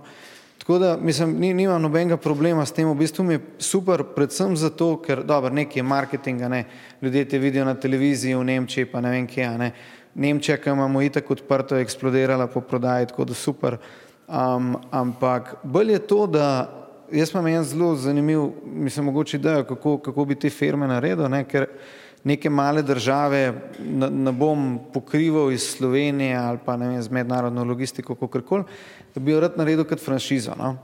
In glede na to, da je Facebook promoviral v bistvu naš biznis sajt, ne? oni ne promovirajo tega, da smo mi krema, oni delajo bolj B2B. Tako da je veliko ljudi, hej, wow, to kremo imate, lahko white labelate, ne, ampak dan ti pa lahko franšizo v bistvu. Ne? Tako da jaz zdaj probujem nekako standardizirati ta sistem, da lahko nekomu na nizozemskem dam na uporabo spletno stran, pa se pa on odloči, za koliko denarja meni kreme odkupuje, a ne? Ja, a, bo, a, bo, a hoče zdaj še marketing zraven, jaz imam vse esete, lahko pač reklame mu naredim, mu dam raw file, zato da on prilagodi skripte pa tako naprej. Spletno stran mu preoblikujemo, upsele naredimo, kot on želi to. Tako da iz tega stališča je pa to super, me je malo bolj brcnalo rit, da ni toliko vse na meni, ampak da kar mičkam bolj tako decentraliziram stvari. No. Ne smeš se spet zaleteti, ne? Ja, to pa sploh ne. Ne, ne pa... smeš poleteti s tem v hajpan, kakor takrat dobiš. Moraš ostati prizemljen. Ja, se super, da je špar odkupil tako količino, ampak počas. Ne moram zdaj, da če ven tega izdelka pa unga, ja, dobili smo denarja. Ne, to, to je treba res počasi. Ja, zato, ker lahko čez noč greš takole. Okay. Jaz pa tega nočem. Ne, in, ja, in ja, ne zaletavam se, pač bo, ob, ob svojem času bom dala nov izdelek ven, takrat, ko bom čutila, da je to ta pravo, ne zato, ker mi zdaj ta trg narekuje, da moram. Um, in nekako Ampak tukaj je zdaj vseeno malo kontradiktorno s to neko start-upovsko mentaliteto, da zajahaš nek val in potem ono se razleti eh, in, in eh, razturiš. Skratka, tu vseeno ni um, nekega pač preskakovanja. Zdaj, ne, jaz pravim, ko kar hitro priješ, lahko tudi hitro greš. Okay. Pač, tukaj so res, res lahko čez noč vse zafrkneš. In če okay. ne študiraš teh korakov, se mi zdi, da. Ampak v katerem elementu imaš ti občutek, recimo, uh, da bi lahko zafrknila takrat, ko si dobila ta polet? Kaj, kaj bi lahko naredila na robe? Ne vem. ne vem, naročila bi ful več zaloge, ful več vsega, ful zapufala bi se, ne vem, pa pa to ne bi prodala. Okay. Pač šla sem sprot. Okay, kaj, kaj še recimo, bi lahko naredila na robe? Ne vem, dodajala bi izdelke. Takrat si misliš, vsi te zdaj poznajo, vsi to gledajo. Ne, sploh ni res, mene še zmeraj ne pozna, ne vem, 30 posto ljudi. Tako, ne, takrat si toliko v temu, toliko letiš, da je vse tako dobro, ampak moraš se zapreti spet v ta svoj balonček, kjer si bil prej in niti korak za korakom, ne zdaj, ah, meni je paratal. Ne, ni to. Pač. Ampak je bil vse trenutek zadovoljstva. Ja, itek da je bil, ja, okay, itek da je bil, ampak jaz sem se zmer tega bala. Pač, ful sem hvaležna za to priložnost, ful sem hvaležna, da je šlo tako, ampak kar nekako se mi kdaj zdi, če bom pa zdaj preveč vesela ali pa neki, da se mi bo kaj podarili. Jure tudi, ti, Jure, tudi ti si ta trenutek uh, v bistvu se prizemljil na nek način, ne? ta Facebook si rekel, ok, zaprl si prodajo, naredil si mailing listo, razmislil o novem poslovnem modelu, skratka tudi ti nisi brez glavo zdaj kar uh, uh, ne, uh, rezerviral pol proizvodnje, ne vem, uh, Afrodite, pa ne, ja, milijon kremic na zaloga. Ne, zaradi tega, ker kot prvo, če dobiš slab review, že ni dobro. Smo v svetu, kjer več ali manj ljudje lahko pišejo po marsikajšnih forumih, marsikaj. Tako da nisem hotel pešati z logistiko nekje tako. Ne po drugi strani malo tega hajpa, pa fear of missing out, pa tako naprej nam ne bo čist nič škodal, pa čistko, lej, nikamor se nam ne modi, mislim, jaz sem, lej, 38 let star, meni se ne da delati noč pa dana, razumeš, pač, jaz imam do petih, tam, če bomo v službi, ponavad gremo ob štirih domov, ker še sonce si je, da ga, mislim, na, li, na izi si ga jemno, ne vem, kaj ni ti rečem, dost denarja imam, um, tako da se mi nikamor ne modi, no. Dober, zanimiv pristop in uh, ta pravi pristop. Ne. Sploh tega, ker se mi zdi, da s to neko novo filozofijo, ki s tem novim trendom uh, ne, te naravnosti in tu zadnji dve leti sta prinesla še to neko ne, življenskost in uh, ne, uh, skrb tudi za svoje duševno zdravje in uh, ta pre, prekurjenost in vse to mm. bi se tudi na nek način pride zraven in seveda s takimi ambicijami, s takimi zgodbami lahko tudi uh, hitro pridete na drugo stran. No, recimo, jaz takrat, ker smo pač delali za Šparje, sem imela še redno službo, sem delala za Samsung od 8 do 4 in jaz sem tako le kdaj SMS-e odpisovala, maile za ta tuker, pa me kličejo, pa ti pa pride šefica, spet si na telefonu. In ne, jaz sem dve službi delala, od 8 do 4, ob 4 sem prišla domov nekaj pojedla in od ne vem, pol petih do 11 zvečer za ta tuker. In jaz sem tist let 9 kil shujšala, mene nič ni bilo skrb samo da sem vse to podelala, pa izpolnila vse zahteve za špar. Pa, ampak to vidiš, da ne pele nikamor, da se moraš slejko prej nekaj odločiti, pa počas. Pač vse smo ljudje, nismo roboti. In prideš do te točke nekako. Res je. Res je. Um, dragi poslušalci na drugi strani, uh, vprašanje. Eh, če ga želite zastaviti, eh, še 20 minut imamo zanimivega pogovora, da, ne, eh, če je prej fear of missing out, uh, Jure omenil, to je zdaj bil ta uh, klic. Ja. um, ena, kdo? En, dva, tri, prvi, drugi, tretjič, ne. Um, ok.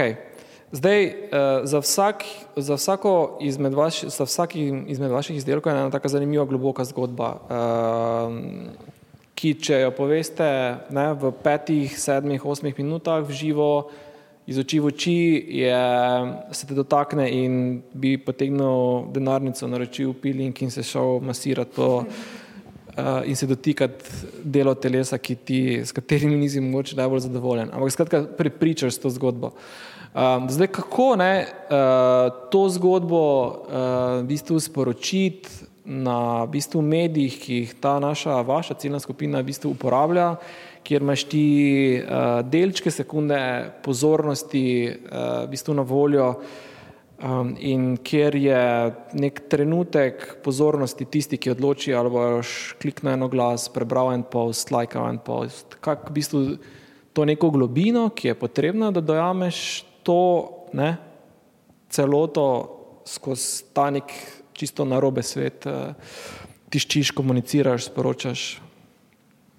Ja, mi smo se, naprimer, oziroma jaz sem se tega lotila na način, da že fotografije, ki jih objavljamo eh, in uporabljamo od spletne strani promocijskega materijala, eh, Instagram, Facebooka, mi naprimer nimamo retuširanih fotografij, na njih so prave ženske, s tem rečem pa ne, da ki niso še daleč od tega ampak so mamice, 42 let stare, mamice s tremi otroci z spuščeno kožo sredi trebuščka, uh, ki se jim je bilo neprijetno tudi fotografirati. Um, Tak, tako da provam tudi skozi neke take majhne segmente uporabljati stvari, ki kažejo to pristnost res lahko na vsakem koraku.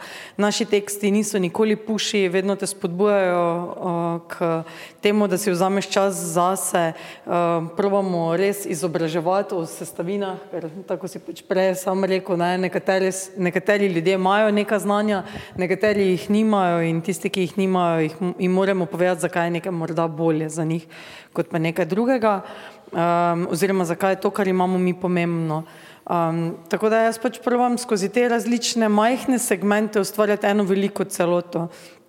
In se mi zdi, da se to na, na ta način najbolj obnese. Tudi komentarji uh, naših strank in pa ljudi, ki nam sledijo, so ravno to, meni je pa všeč zaradi tega, ker ne pušate, ali pa meni pa je všeč zaradi tega, ker vidim, da je dejansko bila ženska gori, ki se je pobožala, pa je imela potem cel, pač, uh, celotno zadnjico s trijami, ali pa da je bila neka mamica, ki je bila zadržana na posnetku. In se prepoznajo tudi ljudje v tem. In ko se prepoznajo, ti potem tudi posledično bistveno bolj zaupajo kot pri vsakem izdelku. To, to je zelo, zelo podobno, ne, ta filozofija, ja. ta pristnost, ta avtentičnost, ki je sicer počasnejša, kot Res, pa ja. neko to siljivo bombardiranje. Vse tukaj je izziv, mislim, zagotovo jaz se vedno soočam s tem izzivom, ker če hočeš več prodati, pač dejstvo je, da, da neka, nek, neka pač, neke prodajne niše zahtevajo neke segmente, ki so pač meni odtujene. Mi smo probali tudi z nekaterimi znanimi podjetji sodelovati v smislu, da bi preko njih lahko kontent kdaj naročili ali pa karkoli, pa smo na koncu ugotovili, naprimer, da to za nas sploh ne gre v poštev. Ponujali so nam dekleta, ki so bila vse prej kot naravna, uh, naravnega videza in pač smo ugotovili, da to nima nobene veze z nami. Um, teda jaz pač na vsakem koraku res probam se vrniti vedno k tistemu svojemu izhodišču, zakaj sem se tega lotila, kaj je bila tista prvotna zgodba in pač to tudi kazati na vsakem komunikacijskem koraku. Je pa zanimivo, naprimer, mi imamo večinoma ženske v ekipi. Tako da od dizajnerjev do social. Na nek način, ja, pa nič slabega.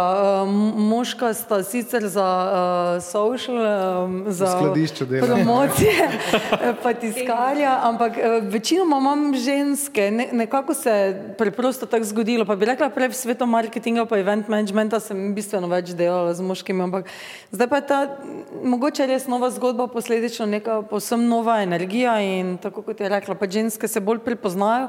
Pa tudi moram povedati, da uh, bolj znajo ponotraniti neko moje izhodišče, ne, neka moja lastna pričakovanja in potem se seveda to tudi odraža v celotni zgodbi. Uh -huh. Jo, piše ta isti občutek. Ja. To, to je enako vprašanje, mogoče tudi uh, za vas, jasno, uh, ta, ta, bistvo, kako komunicirati v tem, uh, ti še posebej, ti si že na Amazonu, ne, kjer imaš še bolj na nek način zvezane roke s tistimi, vem, devetimi kvadratki, pa ne, kreativami. Ja. Piksel na piksel na piksel, vse ti je definirano, v bistvu enaka si kot milijon drugih. Ja, mi, mi imamo zelo različno komunikacijo. Um, okay, izpostavili smo se tle v Sloveniji za štarte Slovenija, predvsem z mojo zgodbo, kako je res vse to nastalo. Ampak jaz sem imela čisto na začetku v glavi tako, ne, se jaz se ne morem, ne bom se izpostavljala, zakaj bi se, mislim, mami je bilo res narodno, nimam tega toliko v sebi, da jaz sem pa to naredila, pa tist, ne vem, zelo, to mi je pač zelo težko. In um, sem rekla, se, se jaz tudi ne vem, kdo stoji za Nivejo, pa zelo realen, pač ful sem lahko misleča. Um, jaz tudi ne bom sebe kazala na tatu ker profilu, pa ne vem, pač ne bom. Ampak vidim, da je to napaka, ker večkrat te ljudje gledajo, bolj imajo eno brz za to blagovno znamko, um, še bolj te nekako podpirajo, bolj se poistovetijo, kot pa da samo tam daš svoje logote, pa tako slike tatujev, pa slike tega. Bolj je nekako dobiti isto globino vsega. In... Tega sem se fuli izogibala, zdaj pa nekako obujamo spet, um, kdo sem jaz, kaj sem jaz. In... Imate kakega vzornika, vzornik, vzornika iz te vidike teh personaliziranih osebnostnih blagovnih znamk v kozmetičnem svetu? Ker v bistvu to, v bistvu in obe vajni zgodbi, v bistvu vse tri zgodbe temeljijo na tem lastni izkušnji, na vas treh kot osebah, uh, jasna svojo zgodbo, Iva svojo zgodbo, Jure svojo zgodbo. Imate kakega vzornika, ki ga gledate, škilite, ki, ki je res razvil do perfekcije? Ker, ne, kot si omenila, ne, za v bistvu, za temi velikimi blagovnimi znamkami imaš v bistvu pač neke fasade v obliki uh, velikih uh, zvezdnikov, ki so tisti, ki so frontmeni, ampak ti niso front, ti so fr fasada, ne? v zadju ni Ive, Jasne in Jureta. Ne?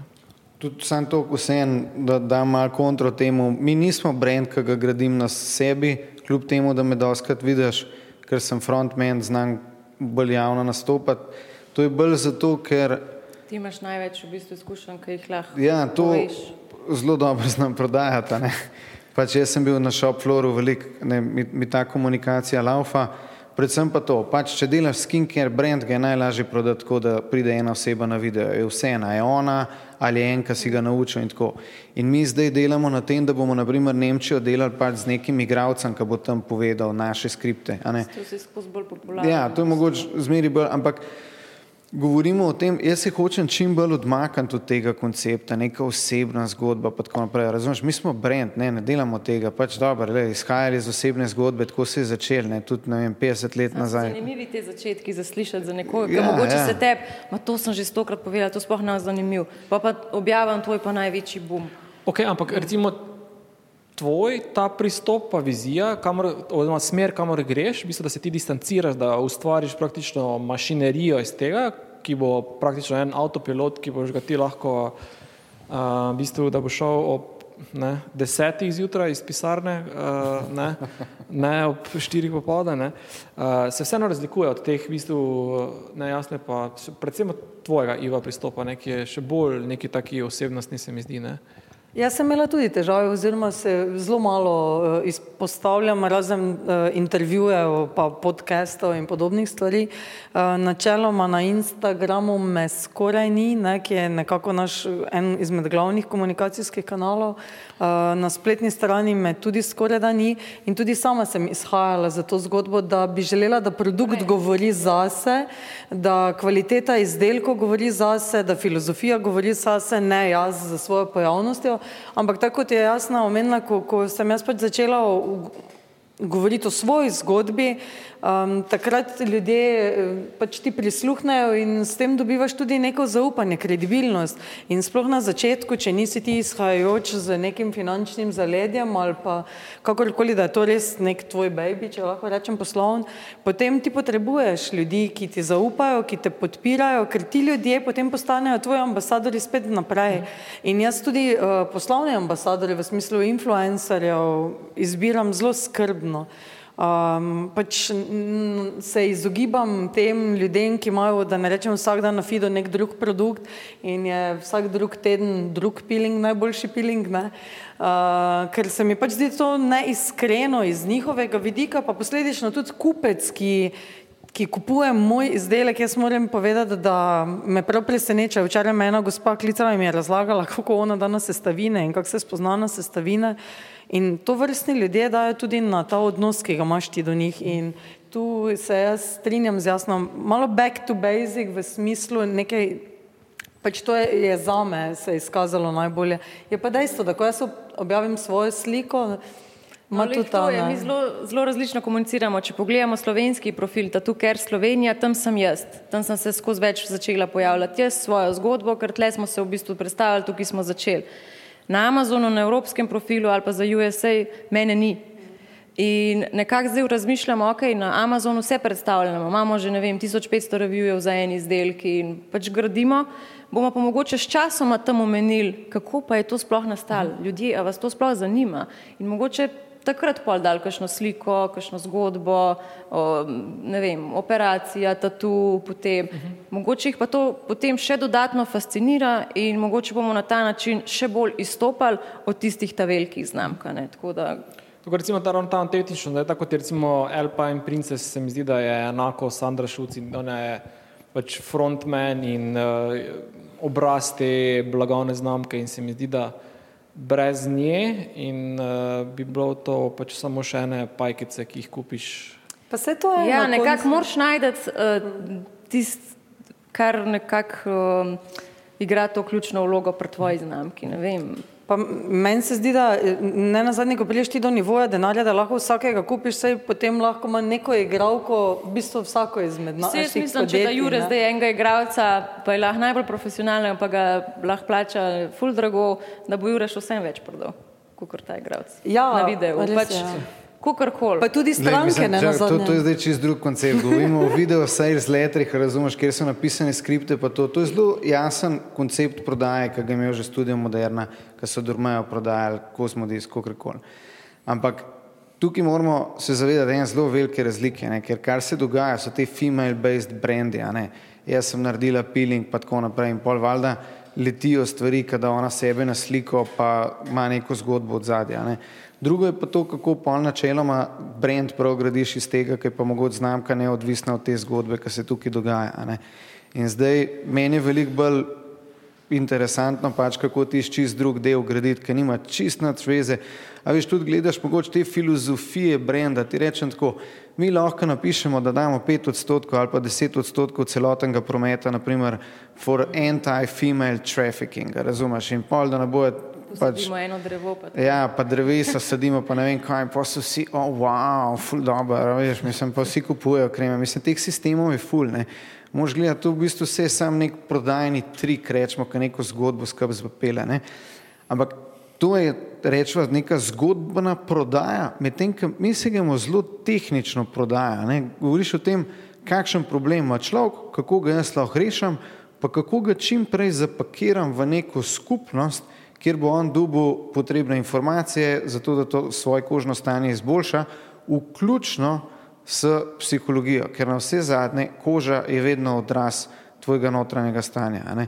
Razumeš? In če ti zgradiš nek tak community, ki ne temelji na tebi kot osebi, ampak na sistemu, takrat si res naredil eno, eno močno znamko. Je pa na na, koncu izdelek odigra svojo vlogo, ampak ja, sam, a veš, mor- moramo se tudi tega zavedati, da ti imaš lahko delati najboljši izdelek na svetu, pa se ne bo prodal. Tako da, ja, odigra pa definitivno v bistvu največjo vlogo poleg marketinga. Ali no, pa če tako. ti lahko povem, en moj prvih sestankov je bil, ko sem prišla takrat v proizvodnjo, me je en rekel, prinesi mi tri produkte, ki so ti všeč, pa ne, ker vsak pač, ki se malo ukvarja s formulacijami, ve, da ti inci pogledaš, pa na 95% vsi znamo potem formulacijo, ne, rekonstruirati od vsakega izmed nas, ne na zadnje. Ker vidiš neke ključne elemente, in, ampak takrat je rekel, ne, vseeno je v bistvu, kaj bo noter, pomembno je, na kak način boš ti to v bistvu prodal, kakšna bo zgodba od zadaj. In jaz pač izhajam iz tega, da je moj puls, moj impuls ne, bistveno večji, če jaz iskreno verjamem v to, ker pač jaz ne, potrebujem to zase. Vse, kaj pa je drugačna majica Armanija ali pa iz HM. On prodaja sebe pa svoje ime, pač to je zgradil in zato se lahko prodaja za 100 evrov, HM se pa za 10 evrov. Pa je lahko ista majica. Pač brand sebe, yeah. mislim, mm. zdaj tle lahko naredimo. Mislim, jaz ga pač nočem, jaz hočem čim prej zginiti iz tega javnega, da grem lahko kajtat, pa da mi noben ne teži nikam, Saj to kam gremo. vsak. Sam, Da ne bomo uh, uh, zašli preveč um, uh, v filozofijo brendov, lahko to v kakšni drugi temi še uh, nadaljujemo, pa poglobimo. Bi se mogoče, glede na to, da imamo še pet minut debate, uh, še vseeno malo zaključil za neko malo bolj um, mogoče pogledom v prihodnost. Um, če smo usmerimo malo naprej, uh, 2022 je pred nami. Da smo v bistvu konec, okay, koncu leta, kje bodo vaši brendi, vaša podjetja ob istem času prihodnega leta. Ker uh, tako zelo konkretno smo imeli um, v okviru enega pospeševalniškega programa, imeli eno vajo, v bistvu vizualizacija, da vizu- vizualiza- vizualizacija svojega podjetja je, um, ne, uh, kje boš čez eno leto konkretno pisarne, uh, število izdelkov na policiji, ne, stanje na računu, ne, če zdaj zaprete oči, kje bo vaši brendi čez eno leto. Ja, jaz danes, ko sem šla v avto, ne vem zakaj ta, ta, ta, ta izhodišča, ko smo dobili, mi je to ostalo in potem smo, kaj če dobim to vprašanje, v bistvu, kje želim biti, ne? ker lani decembra je bil moj prvi klic, ko me je Nina Gaspari po dveh mesecih, v bistvu, ko smo imeli produkt zunaj oziroma treh, poklicala in takrat povabila ne, v najbolj poslušan podcast v Sloveniji, se je meni zdelo wow. Ne? Nekdo je po treh mesecih, samo ko sem imela produkt, v bistvu prepoznal nek potencial v meni in v moji zgodbi. In danes, misel je bila ravno to, da kako prijemamo eh, produkte in jih postavljamo na police v različnih tujih trgovinah in koliko je pomembna ta neka, tako si rekel, ta slika, ne, ki si jo ustvari znotraj svoje zgodbe.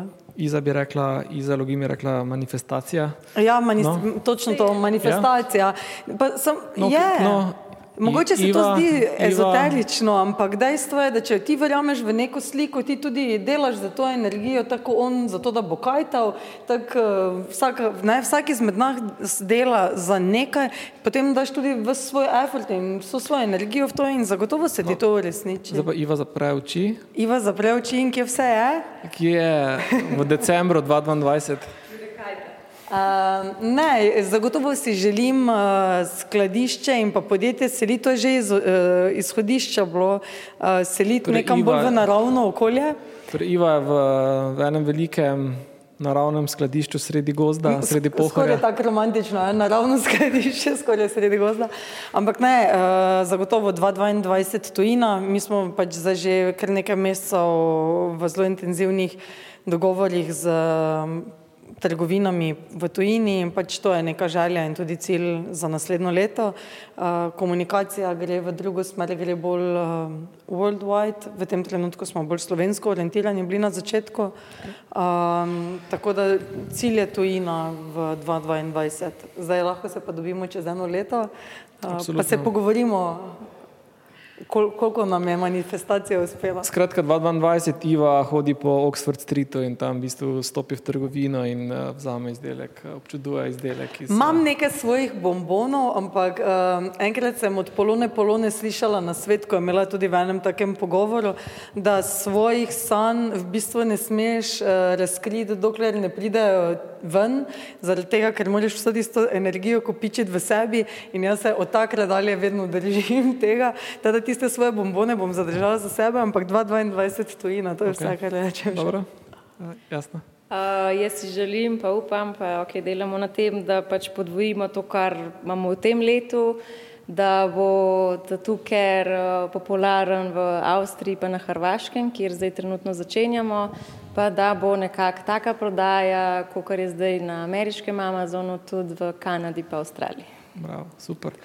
Um, mogoče še uh, tukaj uh, ga vidiš svoje izdelke še v kakem drugem um, področju ali pa rekel, ja, mikropanogi izven tatuja uh, ali pa skrbi za tatuje ali boš ostala pri tatujih in negi tatujev. Eh, zaenkrat smo toliko temu, da se res samo temu posvečamo, ampak ker toliko raziskuješ, kaj dobro deluje na kožo, kaj ne, kaj dobro učinkuje, pa ker je tukaj še mami, ki je v penziji farmaceut, že delamo formulacije tudi za, za da rečem, ženske izdelke, tako da pustimo se presenetiti. Če dobim dobro idejo, pa če bo deloval, bomo siguran kaj novega dali. Super, Jure. Mi letos pokrijemo ta sortiman izdelkov, ki ga rabimo za rast. Vse sem standardiziral, že ekipa je pripravljena. Tako da mene je sedem let v Londonu naučil to, da če hočeš poznati trg, tudi prodajati, še sploh, a ne, ko sem prišel iz tega direktnega slovenskega okolja, prodajati stvari v eno zelo zadržano kulturo, sem opazil, da stvari diametralno nasprotno lahko funkcionira, kar se tiče prodaje. Ne. To, kaj, veš, kon, kaj konkretno misliš tem? Naprimer, da v, v Londonu pač nikakor ne moreš biti direkten v prodaji, da, da kar enega tako nagovoriš na nek način, ko, ja, ustrašijo se te. Ti dan za primer že ne vem, kako komuniciraš znotraj firme. Jaz sem bil parkrat v kadrovski službi, so me skoraj odpustili že samo zato, ker sem klicaj napisal v mailu noter. Ne pač moji šefici, veš, tako neke take stvari, tam so zelo, zelo na eni distanci komunikacijski, vse je v celofan zavito, nobene direktne komunikacije. Um, in tako tudi trgi funkcionira. Ne. Naprimer, v Italiji sem živel, v Italijo pač znam prodajati, ni panike, ne. tam tudi govorim, tako da ni problem. Nemčija mi je predstavljala zelo velik problem. Tako da sem šel zdaj parkrat gor, da razumem, jaz sem tudi iz Minhna zdaj, tako sem bil tam, kaj si ti. No. Um, tako da se nekako dojeva, ne, kako ta trg funkcionira, ker pa psihologija ljudi je čist druga. Ne, jaz sem pa gran copywriter v bistvu. Mislim, veš, gledal sem, kaj, kaj moj najglava neset, pač to, da znam prodajati, pa da znam napisati kopij, ki prodaja. Ne. Tako da se moram naučiti nekak specifik trga, tako da kje si vidim, Nemčija, zelo hiter, pa pa Amerika. Ne. Amerika je nam pač mislim, meni glavna nekakšna vizija, ideja trga, ki ga želim imeti in uh, bi šel tja, pač, da, da razumem ljudi. Decembra pa kaj to? Ja, decembra grem pa pol v Brazilijo, kaj to, ki imam zelo blizu. no, zdaj, če smo začeli v bistvu že z takim zelo uh, osebno izpovedom, mogoče se zaključimo s tako osebno izpovedom, kak je osebni cilj, uh, ki ga lahko seveda javno izrečete uh, za naslednje leto, ne ti, okay, kaj te ne v Braziliji, potem, ko narediš uh, 10 milijonsko prodajo na severnoameriškem trgu. Moj oseben cilj, tako ti povem, od vsega zdaj, ki sem se ukvarjal, je bolj to, da imam ta čist work-life balance, da ne nosim stvari, da pustim, tako da se nekako naučim ne sekirati, se mi, mi gre zelo dobro. No. Tako da v bistvu je to, uh, začel sem tako zelo zdravo jesti, super mi gre, veliko več energije imam, um, pač bolj ej, biti zdrav, pa živeti življenje, tako pa imeti ta biznis vse en tako bolj kot igro, kot kar nekaj zelo, zelo resnega. No. Pa je pa res, ne, da pa v bistvu do te točke, ne, ker si ti. Uh, si, da si lahko to privošči, si pa kar ne, se nagaral v preteklih letih. Ja, le, tukaj je bilo omadona, no, depresije, so, zni da ni. No. Tako da le, tukaj je bilo enega premetavanja, pretepla me tujina, to že doskrat. Da... Tako da zdaj prihaja na dnešni čas tvoje žetve. Ja, zdaj tako, le, po teh 38 letih je to to. No. pri, pri, 40, pri 40 penzijo. Uh, jasno. No, ne vem, meni je pač cilj, da naredimo to firmo, še vse je družinska firma, res stabilno. Uh, tukaj smo vsi vključeni, jaz imam zelo veliko družino, mi smo četvorčki, tako da jaz imam še dve sestri, pa enega brata in vsi smo vključeni v to in pač tudi sestra, ki je na vozičku od rojstva, tudi dela v tem podjetju, zlaga škatelce in pač meni je cilj narediti to, da vsi živimo lepo od tega in da to funkcionira. In... Vsi brati in sestre imajo tatuje in uh, oče in mame? Ja. Ne, uh, ne. ne, oče še nismo prepričali, mami se pa je, ne tri leta nazaj je dala štiriperesno detelco na gležen. Za vsakega izmed Ema otrok. se pa tudi ni, ona, pač one dva sta izjeme, vsi ostali pa smo. Cool. Še, še, zaenkrat še. Mogoče ga še prepričamo. Okay. Uh, Iva, še tvoje. Je, da tudi moj poslovni otrok zaraste bistveno bolj do te mere, da bom lahko tudi jaz šla ob desetih kajtat. Fulor, skratka, kajtanje je 22 uh, lahko je kajtanje, lahko je tudi samo sončenje na plaži, pa srebanje kakega dobrega koktejla, no, ampak ja, v tem smislu. Super, um, jaz vam vsem želim, uh, da se vam vsi cilji uresničijo, vsi tisti, ki ste jih ne, podali v Jaz sem vesolje. pričakovala kontra samo Ja, izpoved. jaz tudi čakam, kaj boš zdaj rekel, kaj boš ti, Urban. Jaz sprašujem. Uh, 22. Um, želim vam vsem, da se, to, da se vam vaši cilji uresničijo. Ful, uh, hvala vsem, da ste si vzeli čas in prišli uh, v, v to polno dvorano v pogovor. Uh, hvala vsem uh, na drugi strani za uh, ne, uh, pozornost. Ne bom rekel za vprašanje, ker jih ni bilo, ne, uh, ampak vseeno sem pripričan, da ste ga en super podcast, znova pogovor, nastal jaz sem užival, klepetal bi še dve uri, um, ampak hvala lepa vsem, super je bilo. Hvala, za Hvala tudi tebi, enako. Hvala in uh, uspešno. Ti je bilo všeč? Da ne boš zamudil novih epizod, klikni subscribe. Veseli pa bomo tudi tvoje ocene, komentarja in delitve, da za nas vedo še druge radovedne glave. Pobrskaj po naši bogati zbirki pogovorov, gotovo se v njej skriva še kaj zate. Se slišimo?